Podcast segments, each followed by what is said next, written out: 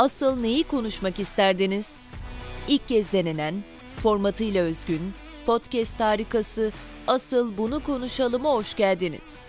Edebi ve internet günlüğü podcastlerinin mimarı, Evren Soyuçok imzasını taşıyan Asıl Bunu Konuşalım, herkesin konuştuğu değil, kimsenin konuşamadığı konulara odaklanacak. Evren, konuğuna, ülke gündeminin gölgesinde kalan kendi gündemini soracak. Podcast'in iki önemli kuralı var. Konuk, siyaset, ekonomi ve gündeme damgasını vuran olayların dışında bir konu belirlemek zorunda. Evren, her bölümde neyin konuşulacağını ise konuğundan yayın sırasında öğrenecek. Hanımlar beyler, Evren ve konuğu hazır. Mikrofonlar hazır. Türkiye ve dünya gündeminden arındırılmış Asıl Bunu Konuşalım başlıyor. Herkese tekrar merhaba. Serli Seta Nişanyan karşımda. Açıkçası bugün bir göktaşı filan düşer diye bekledim.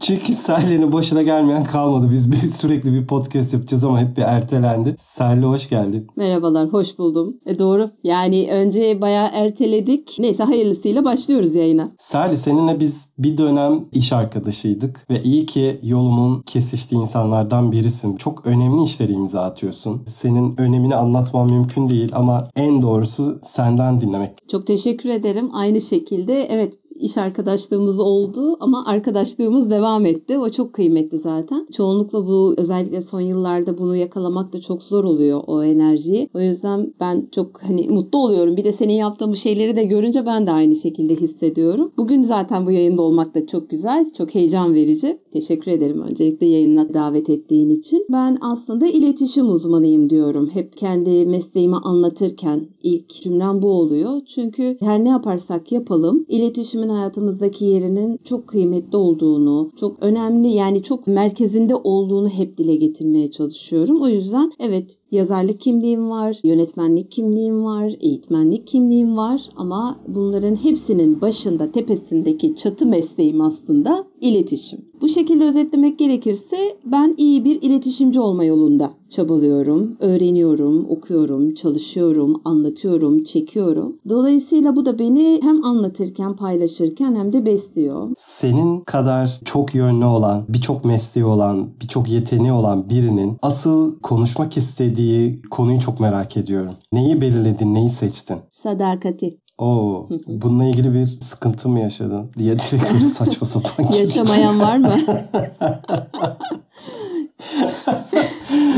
Yaşamayan var mı? Sadakati belirledim. Aslında seninle daha önce yayın yapacağımız dönemde başka şeyler hmm. geliyordu aklıma. Ama ne gelmişti ilk? Ne gelmişti? Başarı gelmişti. Yani başarı nedir gelmişti. Hı Sonra biraz daha üzerine düşünme fırsatım oldu tabii ertelenince falan ve sonra kendi yaptığım şu anki işlere baktım, hayatıma, insanlara, etrafıma, işte dertleştiğim arkadaşlarıma falan baktım ki yani her şeyin içinde bunun illa bir özel ilişki adı altında demiyorum. Yani mesleki olarak da baktığımızda sadakat. Bak o kadar önemli bir kavram ki. Yani insanın kendine dahi sadık kalması çok önemli. Aa evet. Yani doğru. Bir... Bak ben direkt hemen e, başkaları tarafından Hı-hı. sadakat diye algıladım ama çok doğru söylüyorsun. Şöyle mesleki sadakatimi çok düşündüm. Kendime olan sadakatimi çok düşündüm. Tabii bunları hmm. düşündürten sonuçta evet yeri geldi ikili ilişkiler, yeri geldi iş ilişkilerimiz, yeri geldi başka toplumsal başka şeylerde. Ama şunu gördüm yani evet Evet, hepimizin hayatında sadakati konuşmamız gereken bir nokta var. Sonra düşündüm evet ben başarı başarı dedim hani bunu konuşalım falan ama çok da uzun zamandır üzerinde de kafa yorduğum kavramlar bunlar. Başarı nedir? Kime göre, neye göre başarı? Sonra dedim ki başarı aslında sadık kaldığın zaman oluyor. Yani yine temelinde sadakat var. Yaptığın işte sebat etmek evet, onu mu kastediyorsun? Evet, evet.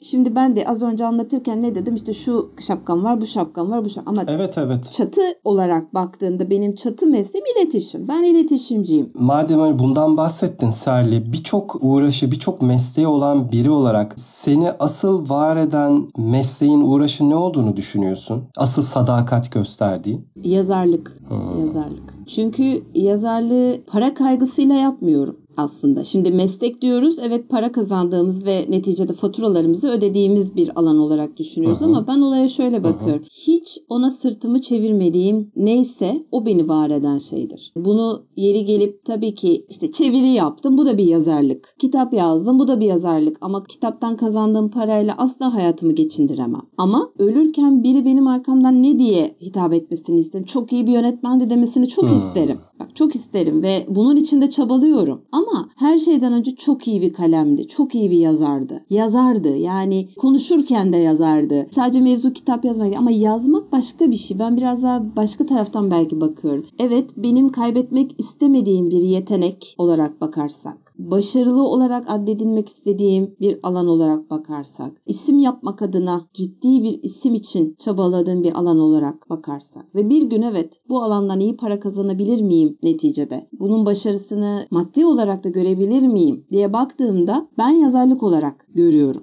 Sinemada çok yakın. Sinemada muhtemelen neden öncelik sinema değil ama ben şu anda hep sinema sektörünün içindeyim. Muhtemelen şundan kaynaklı. Sinemada dizici değilim tabii ya da belgesel diyeyim. Tiyatro, sinema, belgesel yönetmeniyim. Üç alanda varım ama bu alanda para sanatının önüne geçiyor. Yani özgürlüğünün önüne geçiyor ticaret. Evet. Ve orada ticari kaygı çıkınca ortaya e ben ben olamıyorum. İstediğimi yaratamıyorum. Ya da o henüz lüksüm yok. Yani öyle bir ünlü yönetmen şeklindeki bir sıfatım olmadığı için henüz. Kimse tabii ki bu anlamda benim yarattığım düşe ortak olmayabilir. Evet. Çok gerçekçi konuşuyorum. Bunu söylediğimde Doğru, çok doğru. anlayamıyorlar ne kadar hani gerçekten böyleyse. Evet gerçekten şimdi ben şunu öğrendim sinemada. Benim hayalim karşıdaki kişinin hayali değil. Ticareti. Ama benim hayalim. Kültür Bakanlığı'nda bu özel bir komisyonda görevliyim. Orada bir film seyrettim. Filmde çok hoşuma gitti ve dedim ki ya şunu ben yapamaz mıyım? Yaparım. Alasını yaparım. Çoğu şey için aynı şeyi hep söylüyoruz evet. Evet, alasını yaparım. Çok da güveniyorum kendime. Ama bu işi yapabilecek parayı bulsam işte ne bileyim bir şey bulamayabilirim. Şunu bulsam o yüzden bu da benim yaratıcılığımın önüne geçeceği için ne oluyor? İşte daha küçük bütçeli bir şey yapmak. İşte bir yerden illa adının ödülle taçlanması gerekiyor. Birilerine bir şekilde Evet. bir reyting alman gerekiyor. Yani bu bizim bütün sektörümüzün sadece benim değil elbette bir sürü arkadaşımızın derdi. Birazcık reytingin düşse diziciler için söylüyorum hemen başka bir yönetmen ile anlaşılıyor. E şimdi böyle baktığın zaman nerede kaldı senin yaratıcılığın, kendini anlattığın yol? Sanat nedir? Kendini anlatma, Evet. yansıtma yoludur. Şimdi ben kitapta bunu çok daha rahat yapıyorum. Doğru. O yüzden benim mesleğim her ne kadar sinema olarak gözükse de gerçekten kalbimden, içimden olan bu anlamda bakarsak yazarlık ama aşkla, keyifle, her şeye rağmen, tüm zorluklarına rağmen yapacağım dediğim, o inatlaştığım ve sadakatimi gösterdiğim alanda sinema bir yandan. Herhangi bir para kazanmasan, bir maddi geliri olmasa, bir başarı getirmese, takdir görmese de o işi yapma sadakatini göstermek hepsinden çok daha kıymetli aslında değil mi? Kesinlikle. Çünkü bir amacın o anlamda bir yani ticari bir amacın yok. Mesela ben sinemaya da öyleyim. Yani beni sete koy, bana çay bardak kahve bir şey taşı desinler. Ben giderim. Ben setleri arkadaşlarımın gidiyorum. Büyük keyif alıyorum. Benim çekmem gerekmez. O ortamı solumak önemli. Çünkü o başka bir aşk. Yani orada o e, kamerayı görmek, o setin kurulması, bu kadar insanın bir hayali aslında her ne kadar ticari kaygı az önce dediğim gibi önde olsa bile yine de kağıtta yazılan bir şeylerin orada resmedilmesini görüyorsun. Ya çok değişik bir şey. Yaşarken çok normalmiş gibi yaşıyoruz her şeyi. Oysa Evet. şöyle biraz düşündüğümüzde biri bir hayal kuruyor, onu yazıyor. Ondan sonra o hayal başkaları tarafından resmediliyor. Ve birileri de onu beğeniyor. Ya olaya bak yani ne kadar aslında farklı farklı Evet. süreçler. Belki Evet. de ben yazmayı bu anlamda da seviyorum. Yani öne çekiyorum. Çünkü boş bir kağıdın üzerine bir hayal kuruyorsun. O kelimeler bir araya geliyor. Bir şeylerini anlatıyorsun. Duygularını anlatıyorsun, yansıtıyorsun veya bir şey kafana takmışsın. Onu üzerinden bir şeyler yazıyorsun, koyuyorsun. Bir bakıyorsun bilmem kaç sayfalık bir senaryo oluyor veya bir kitap oluyor ve birilerinin eline geçtiğinde o okunuyor. Başka dünyalara götürüyorsun okuyucuyu.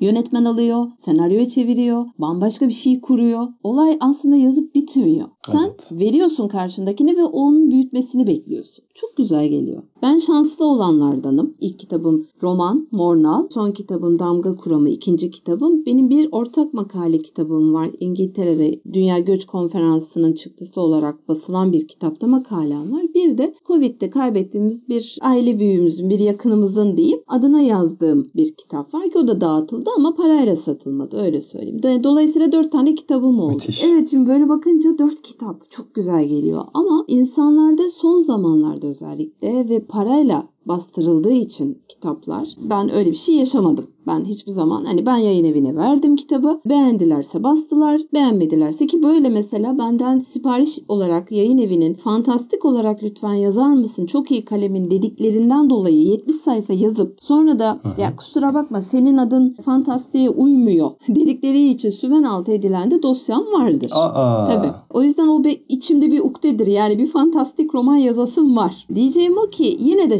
şanslıyım. İki tane kitabım ulusal iki yayın evinden çıktı. Ve hiçbir bedel ödemeden çıktı. Bu önemli. Ama işte maalesef kitap prestij, kitap hava atma aracı olarak son yıllarda kullanıldığı için önüne gelen herkes Ha, onu soracağım. Son yıllarda diyorsun ya bu bir şehir efsanesi mi? Hep Aa, bir kitabın olsun da iyi kötü Türkiye'de adın olur işte etkinliklere davet edilirsin programlara davet edilirsin falan filan bu hala geçerli bir vallahi. şey mi Var, Türkiye'de? Var var var. Allah var. Allah. Var maalesef var. Ha şöyle yayın evlerine de şu anlamda hak veriyorum. Yani neticede dolarla alındığı için ve borsa gibi yani kağıt da yükselişe geçti. Haliyle onlar da artık eskisi kadar rahat basamıyorlar kitapları. Tabii ki bir girdi sağlamaları gerekiyor vesaire vesaire. Bu finansal şeyler var. Ama işte burada çok şey yapmak lazım. Yani iyi elemeler yapmak lazım. Bunu bile yapacaklarsa ben dediğim gibi tek taraflı şu anda düşünüyorum ama hani o tarafa da baktığımda onlar da kendi açılarından haklılar. Ama okuyucuya yazık. Okuyucu çok bilinçli okuyucu var mı? Tartışılır. Tabii ki var. Az Ama az az. olduğunu düşünüyorum. Ha, az. Yani geçen mesela bana bir kitap hediyesi geldi. Çok da sevdiğim bir genç bir arkadaşımdan. Mesela kitap geldiği için çok sevindim. İnanılmaz Hı hı. sevindim. İki tane kitap. Dedi ki sana dedi ben dedi hani yılbaşı hediyesi dedi. Sen çok kitap okuyan biri olduğun için sana en kıymetli hediyenin kitap olacağını düşündüm. Tabii ki kitaptan güzel heyecanlandıran bir şey evet, var mı değil ya? misin? Ben böyle tam çocuk gibi açtım paketi falan. Ay bir baktım kişisel gelişim kitabı ikisi de. Birini gerçekten merak ettiğim bir kitap. Diğeri de ismini vermeyeyim. Hani onun da takipçisi Ama başka var yazarların değil mi? Başka yazarlar tabii. Bir tanesi yabancı bir yazarındı. O merak ettiğim kitap. O güzel denk gelmiş fakat diğeri Türk bir yazarındı ve hani artık irite olduğum bir isim. Yani gerçekten Hmm. mi? Hani bu bunları yaşamış olabilir misin ki yazıyorsun ya da işte ya bu bu kadar mı PR işi bu iş yani yapmayın dediğim bir yazarın kitabıydı. Dolayısıyla onun da alıcısı var, okuyucusu var ve eminim ki o da bir yerlerde dokunuyordur. Mesela Tabii, şimdi tabii. şey vardır ya işte herkes belgesel seyrediyor. Aslında herkes magazin seyrediyor. Ben de magazin seyrediyorum. Yani ben belgeselciyim, ben de magazin seyrediyorum. Açık yüreklilikle de söyleyebilirim. Şimdi normalde sohbetlerde derler ya, entelektüel sohbetlerde yok. Biz hayatta magazin seyretmiyoruz. Olur mu öyle şey canım? Biz hep belgesel seyrediyoruz falan. Yalan. Mümkün değil. Ve dolayısıyla evet. şimdi bana da şu soru gel. E sen de işte bu kitabı okumadın mı? Okumuşsundur mutlaka da söylüyorsun. Valla o kadar çok Instagram'da önüme düştü ki Hmm. yazılanlar, şeyler işte içinden bölümler falan okumuş kadar oldum zaten. Neyse kitabı aldım karıştırdım. Yani şimdi diyeceğim o ki okuyucuya ne veriyorsun? İzleyiciye ne veriyorsun? Verdiğin şey bir şekilde psikolojisiyle oynuyoruz aslında. Okuyucunun da izleyicinin de. Onun için hı. çok kolay bir şey değil aslında yazar olmakta ya da yönetmen olmakta. Çünkü bekleyen bir kitle var. Ne verirsen de gider değil. O da çok yanlış. O PR'ın bence en büyük hatalarından biri. Onun için daha eleyerek, daha güzel böyle hani birazcık daha parayla da yapılacaksa bu iş biraz daha düzgün seçilerek yapılması gerektiğini düşünüyorum. Çünkü bazı kitaplar var tekrar tekrar tekrar. Hayır içinden alıntı yapacaksanız da koyun. Mesela ben de yaptım kitabımda alıntı tabii ki. Makalelerden falan. Ama referansını koydum. Yani çok benzer fikirler. Artık herkes kişisel gelişimci. Herkes yaşanmadıklarını yaşamış gibi anlatanlar var. Mesela bana söylüyorlar biz diyorlar senin kitabını yaşadığın ve yaşadıklarından çıkardığın için önemsiyoruz. Hı. Yaşam çok önemli. Yani yaşadığın şey. Çünkü bak dikkat et. Filmlerde de kitaplarda da kurgu elbette önemli. Uyarlama elbette önemli. Yani iyi uyarlamalar, kurgular yok mu? Var. Ama illa o işlerin de içinde tutan işlere bak yani. Gerçekten yaşanmış şeylerdir. Yok canım bu kadar da olmaz dediğin. İşte en son bazı diziler seyrettik. Yok canım bu kadar da değil. Ya bu kadar. Gerçek hayat aslında en iyi film, en iyi kitap. Yani yaşanan şeyleri yazdığın zaman tutuyor. Ben mesela gerçek bir hayat hikayeden esinlenilmiştir vesaire böyle açıklamasıyla bazı dizi ya da filmler gösteriliyor ya. Evet. O açıklamadan mesela çok etkilenmem. Hı hı. Ha, bu gerçekten olmuş mu vesaire diye. Hı hı. Şimdi televizyonum yok. Televizyondaki dizilerde son durum nedir bilmiyorum. En son yakından takip ettiğim o da işte TRT'nin uygulamasına yüklendiği için. Masumlar Apartmanı'ydı.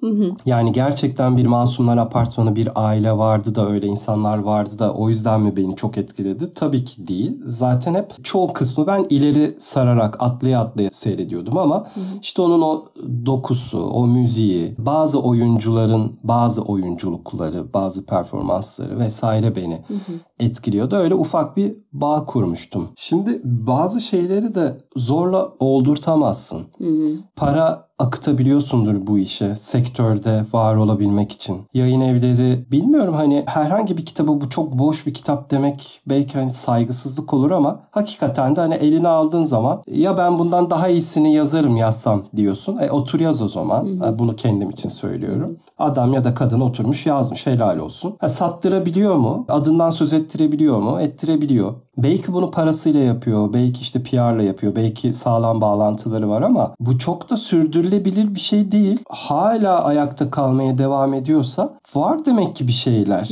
Burada tüketici olarak ya da okur olarak bizim okur yazarlık seviyemizle, bilincimizle alakalı yani. Açık konuşayım. Benim için en heyecan verici, en değerli hediye her zaman kitaptır. Ama son birkaç yıldır şeyi de fark ettim. Ya bana kitap da almayın. Çünkü ben okuyacağım kitabı o kadar özel seçiyorum ki. iç sayfalarına bakıyorum, yazarı Çok araştırıyorum doğru. vesaire. Çok doğru. O yüzden bana hediye gelip şöyle bir göz atıp direkt kütüphaneye verdiğim kitap da çok. Çünkü burada evet yayın evi eften püften bir kitap basmış olabilir. Yazar içi bomboş bir kitap yayınlamış olabilir. Ama onu tüketip tüketmemek tamamen benim tercihimde Hı hı. olan bir şey.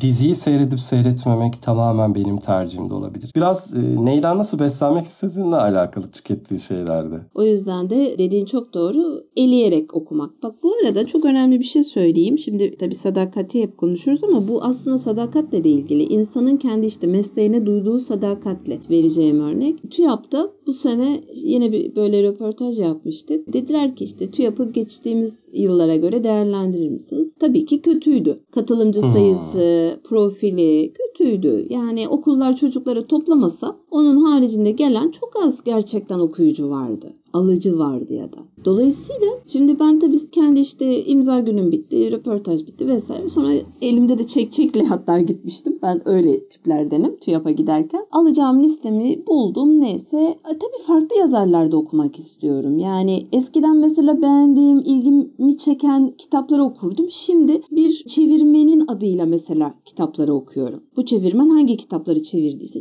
beğendiklerim için diyorum. Onu Çevirmen okuyorum. çok önemli zaten. Çok. O kadar önemli ki çevirmenin kim olduğu. Hala düşün ben Kafka'nın dönüşümünü daha okuyorum yani hani Aa, orijinalini müthiş. okuduğum için her yayın evinden farklı çıkıyor bence. Şu anda 5 tane yaptım. Ya her çeviriyi mi Evet. okuyorsun? Aa müthiş. Evet her çeviriyi okuyorum. Yani aradaki farkı buluyorum. O niye öyle çevirdi bu niye böyle çevirdi diye. Bu Hmm. Çok kafaya taktığım konulardan bir tanesi. Dediğim gibi TÜYAP anlatıyordum. TÜYAP'ta işte gittiğimde dedim yani ben artık işte çevirmene göre okuyorum. Yazara göre okuyorum artık. Ama yeni yazarlar da keşfetmek istiyorum ve okuduğum yazarların serisini okumaya çalışıyorum. Hani bu adam burada bunu anlatmış, burada neyi anlatıyor, şurada neyi anlatıyor falan. Ve çok bilgili, çok güzel aslında önerilerde bulunan artık stand çalışanları gördüm. Eskiden Mesela böyle değillerdi. O gün Hmm. 3 gün 5 günlüğüne TÜYAP için böyle işte küçük bir belki cep harçlığı gibi bir paraya çocukları tutup normal bir sanki tişört, e, bluz satıyormuşsun gibi kitap satan çocuklar vardı. Şimdi baktım genç de olsa, biz yaşlarda da olsa bir şey söylüyor. Yok diyor mesela bu kitaptan önce şu kitabı okuyun. Önce şu bölümünü okuyun. Önce şunu yazarı okuyun. İşte bu yazar bunu böyle anlatıyor. Bakın bu ise böyle anlatıyor. Yani bu da bir pazarlama ama bilinçli pazarlama. Neticede ben oraya zaten gelmişim kitabı alacağım. Ama soruyorum. Hı hı. Sorduğum şeyin gerçekten adam akıllı yanıtını alabildim. Ve çok güzel bir şey söyledin. Bu evet çok önemli. Bu da işine olan sadakati gösteriyor bence. Orada sahiplenmiş aslında. Sahiplenmek. Bir iş yapıyorsan yarım yamalak yapmayacaksın gerçekten yapacaksın. Evet. Mesela şimdi ben kendi mesleğim için eksik görüyorum sinema alanında. Daha oldum diyemediğim için de konuşuyorum. Daha ne yapabilirim? Geçen gün bir arkadaşım çok güzel bir fikir verdi yönetmen bir arkadaşım. Onu deneyeceğim. Yani mesela sadece seyretmek değil, sadece yazmak değil. Başkasının fikrini de almak. Yani o adam o kitabı okurken ya da o filmi seyrederken onda ne uyanmış? Ve ben acaba onu seyrettiğimde ya da okuduğumda ne uyanacak? Aynı şeyi mi canlanacak? Yok belki. Ama sadakat kısmına baktığında evet TÜYAP'taki arkadaşın yaptığı gibi ya da benim kendi mesleğimde yaptığım gibi daha fazla zaman ayırıp daha fazla bu işi daha iyi nereye götürebilirimin yollarını bulmak ve bunu üzerine çalışabilmek önemli. Salgın dönemine kadar TÜYAP'a her yıl ben de gidiyordum mutlaka ama özellikle üst kattaki yazar ve şair söyleşilerini dinlemeyi. Kitap e, genelde internetten sipariş ettiğim için senin gibi orada yeni bir kitap keşfeder miyim diye aşağı kısmı dolaşıyordum tabii ki ama benim asıl olayım üst kattı. Salgından sonra iki yıl galiba iki yıl aradan sonra bu yıl yapıldı evet ama artık Haramedere'de oturmadığım için çok çok uzak gerçekten. Ben de gidemedim. Aslında gitmek orayı dolaşmak, o atmosferi solumak gerekiyor. Dediğin gibi uzaklık çok büyük bir etken. Bizi dinleyen gerçekten yetkililer varsa, olacaksa ne olur bir çare olsun. Yani birazcık daha merkezi bir yere kitap fuarının taşınması gerekiyor. Eskiden bizim çocukluğumuz zamanında tepe başındaydı. Okullarda yoldan geçen de herkes gelirdi. Ha diyecekler ki işte okumak isteyen insan yolları teper, dağları aşar gelir. Ya yok öyle bir şey. Şimdi günümüz dünyası için mümkün değil. Dediğin gibi internetten siparişini verir. Yine okur okumak isteyen ayrı konu. Ama orada o interaktif görmek, dokunmak, koklamak, o ortamı solumak, yazarla iletişim halinde olabilmek. Yani bunlar çok kıymetli. Bunlar çok başka değerler. Tabii ki. Onun için daha merkezde. Ya ben Harami Dere'de otururken bile TÜYAP'a çok zor gidiyordum. Yani o köprü hala sallanıyor mu bilmiyorum ama o köprüden TÜYAP'a geçerken bile havada sallandığımı hatırlıyorum. Yani hani biraz daha erişilebilir, biraz daha konforlu bir hale getirilebilir ulaşım TÜYAP'a. İsmine yaraşır bir şekilde. Çünkü çok kıymetli ve çok büyük bir organizasyon animasyon ve söz konusu edebiyat, söz konusu kitap olunca iyileştirilmesi gerekiyor diye düşünüyorum. Kesinlikle.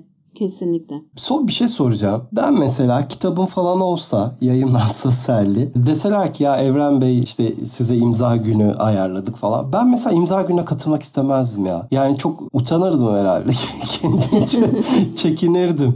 Yani hani bir de zorunlu mu acaba imza günlerine katılmak? Yok. Ha, ona göre yazayım yazmayayım diyormuş şu kitabı. Tek takıldığın yer burası mı yani? Ay, evet kesin bak ben buna çok takılıyorum. Ben giderim senin yerine. Evrenin Süper, arkadaşıyım tamam. diye imzalarım. ya işin en sevimsiz kısmı o geliyor bana. imza günleri geliyor. Şöyle. Neden bilmiyorum ama çekingen bir yapım olduğu için olabilir bu, belki. Bende de var. Vardı hmm. da. Bu şey oluyor. İnsan evet utanıyor. Çünkü iç dünyanı açıyorsun. Şöyle bir olay vardır. Ya bilmiyorum sen hiç günlük tuttun mu? E, tabii. Tutar o mıydın? yıllarca. Ha.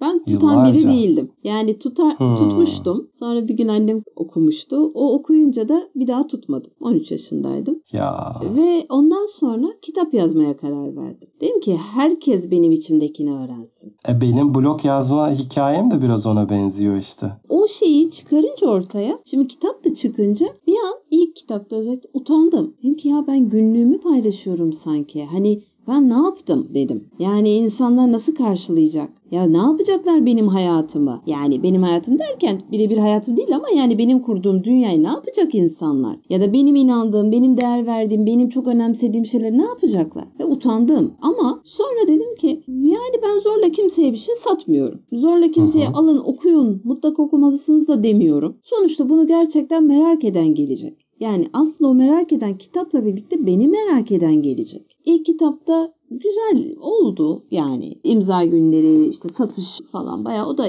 iki numaraya kadar falan çıkmıştı o dönem satışta belli listelerde. Hı hı. Sonra araya işte diğer kitaplar girdi falan onların satışı tabii böyle hani ulusal yayın evlerinden olmadığı için haliyle daha küçük kitlelere gitti falan. Ama ne zaman bu son kitabım Damga Kuramı Ben Kimim çıktı ya yine bir şey dedi işte zincir mağaza dediğimiz DNR için söylüyorum. DNR'da imza günü ayarlıyoruz dedi. Ondan sonra dedim şahane. Çünkü hani bir hayalin olur ya yazarlıkçı böyle adım adım DNR'da imza günü falan.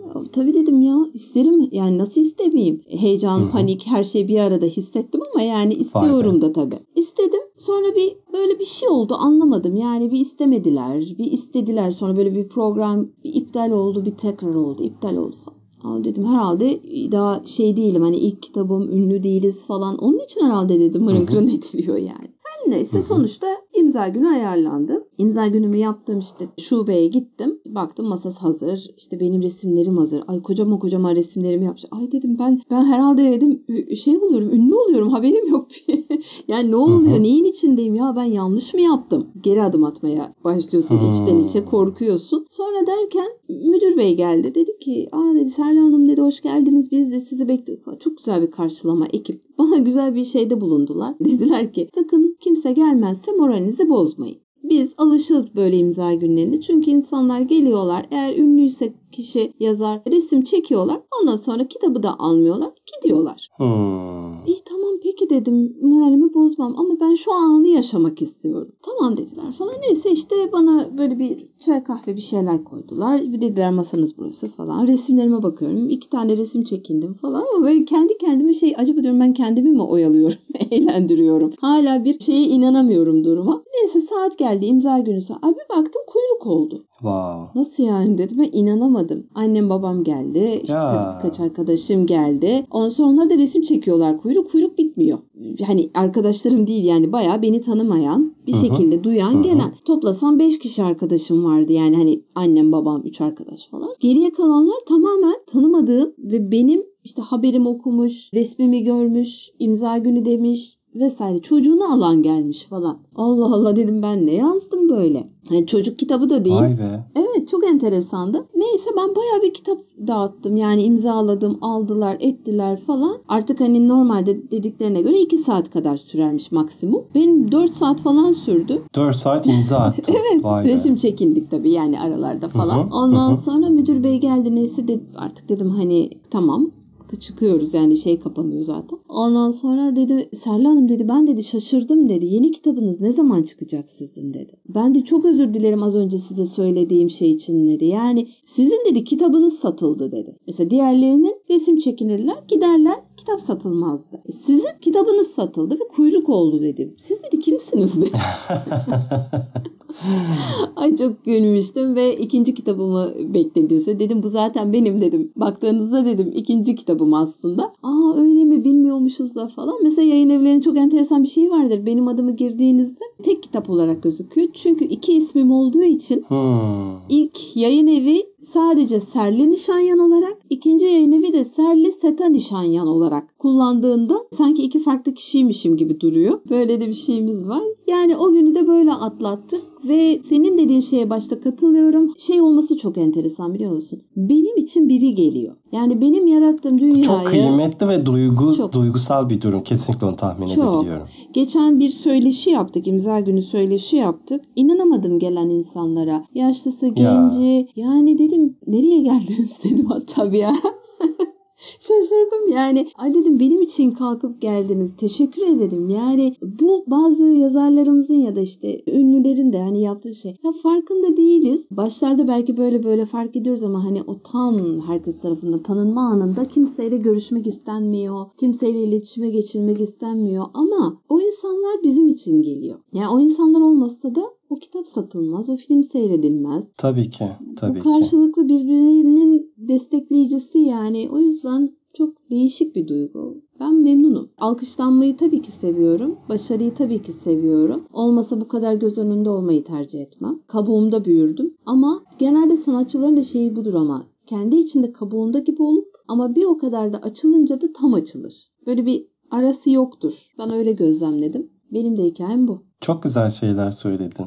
Teşekkür ederim. Umarım daha da yüreğine dokunduğun insanlar artar, okur sadakati artar, seyirci sadakati artar yaptığın işlerle. Sohbet çok keyifliydi, güzel oldu. Bana da iyi geldi. Çünkü insan bazı şeyleri aklından geçirir, içinden geçirir falan ama dile döktüğü zaman bir kez daha kulak duyar ya. O zaman böyle bir hatırlatma gibi de oldu bana. Sohbetin başında da başarıyı konuşalım diye daha önce geçirdim aklımdan demiştim ya. Ona bir atıfta bulunacağım. Başarı nedir? Bunu çok düşünelim bence. Başarı kimine göre para, kimine göre beğeni, kimine göre like'lar, kimine göre sadece telefon açıp her gidilen yere o kişinin davet edilmesi. Hani her şey herkes için, herkesin hayatına göre değişiyor. Benim için başarı mesela bana çok şöyle soruyorlar. işte başarılısın ya daha ne yapıyorsun? Hayır ben başarılı değilim. Mesela ben hiç kendimi başarılı görmem. Hiç. Hı hı. Çünkü bence başarı Türkiye için söylüyorum ama bunu. Bence terli olarak başarı yeni bir şey üretmek. Ortaya koyabilmek. Ama Türkiye'de yaşayan biri olarak yani pahalılığın, hayatın zorlaşmasının, günden güne artmasının içinde yaşayan biri olarak da başarı bence para. Çünkü her ne kadar para kazanmadığımız yerde eğer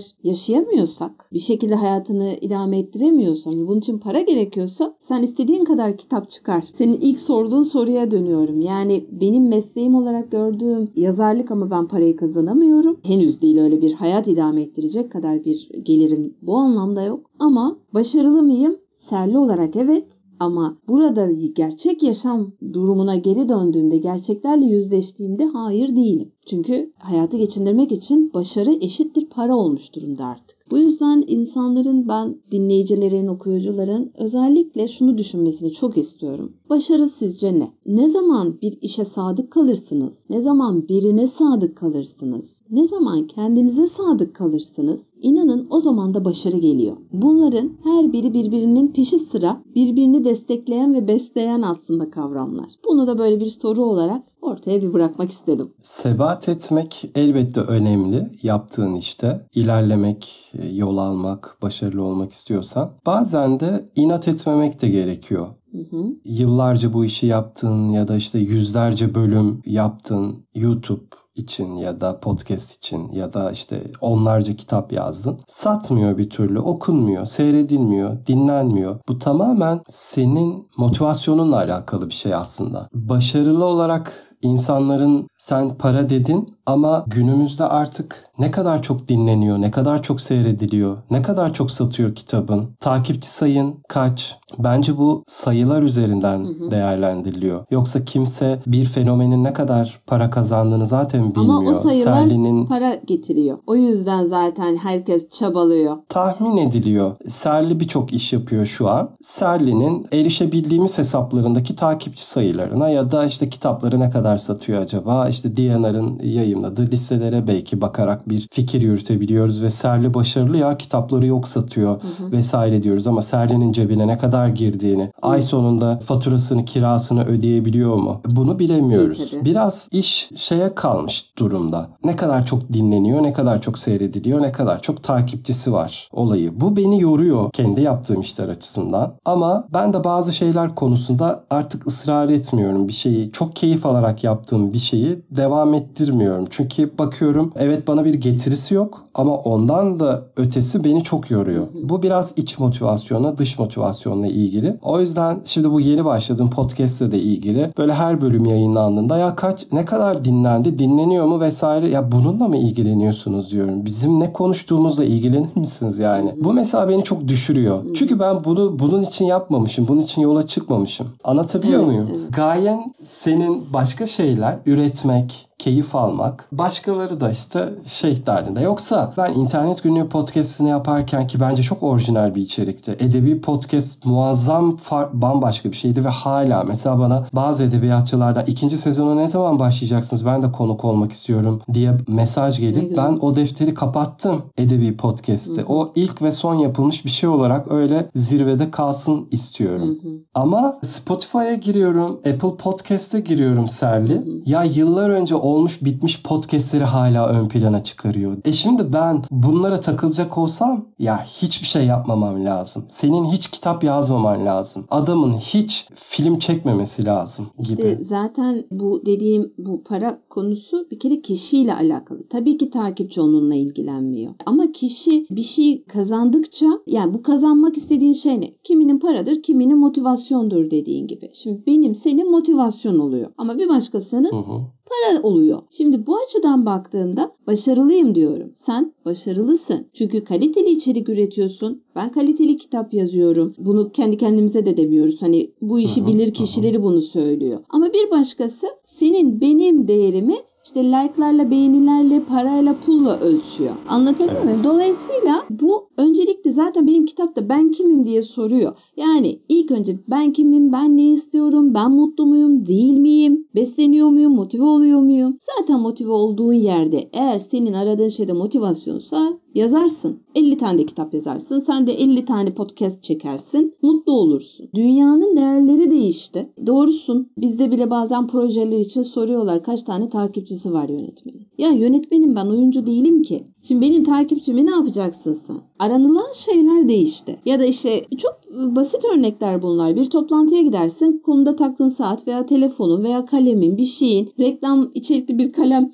mi? Güzel bilmem ne marka bir kalem mi? Bunların her biri değer artırıyor. Ama bunları yapabilmek için senin gerçekten yaptığın işten de besleniyor olman gerekiyor. İster manevi ister maddi. Yeni dünya düzeni maalesef bunu gösteriyor. Kaç beğeni aldım ama aynı zamanda sosyal ortamda bulunduğunda da aa hoş giyiniyor, aa şöyle böyle falan. İnsanlar bunlar üzerinden değerlendiriyor. Ha o zaman ben de diyorum ki ben yeni dünya düzeninde ben başarısız bir insanım. Çünkü bunlara önem vermiyorum. Ya da sen. Biz içeriye önem veriyoruz. Diyeceğim o ki dinleyiciler için de az önce sorduğum soru ortaya bıraktığım o fikir. Başarı nedir? Bence başarı mutlu olduğum yerde olmaktır. Ve bunu bu benim lüksüm. Mutlu olduğum işi tercih edebilmek, ona vakit ayırıp bunu üretebilmek, yapabilmek benim lüksüm. Yeri geldiğinde de başka işe hayır diyebilmek benim lüksüm. Mutluluğum, başarım bu. Ve ben o işe saygı duyarak, o işe sadık kalarak da yazarlık için konuşuyorum ve sinema için. Sadık kalarak da elimden gelen ne varsa sana mı soracağım, öbürüne mi, ona mı danışacağım? Onun için e- onun en iyi versiyonu diyorlar ya yeni tanımlar bunlarda. Benim o işteki yeni versiyonumu en iyi şekilde ortaya çıkarmaya çalışıyorum. Bakalım izleyicilerimiz, dinleyicilerimiz kendi içlerinde neyi bulacaklar? Onlar için ne demek olacak bu soru? Hayırlısı.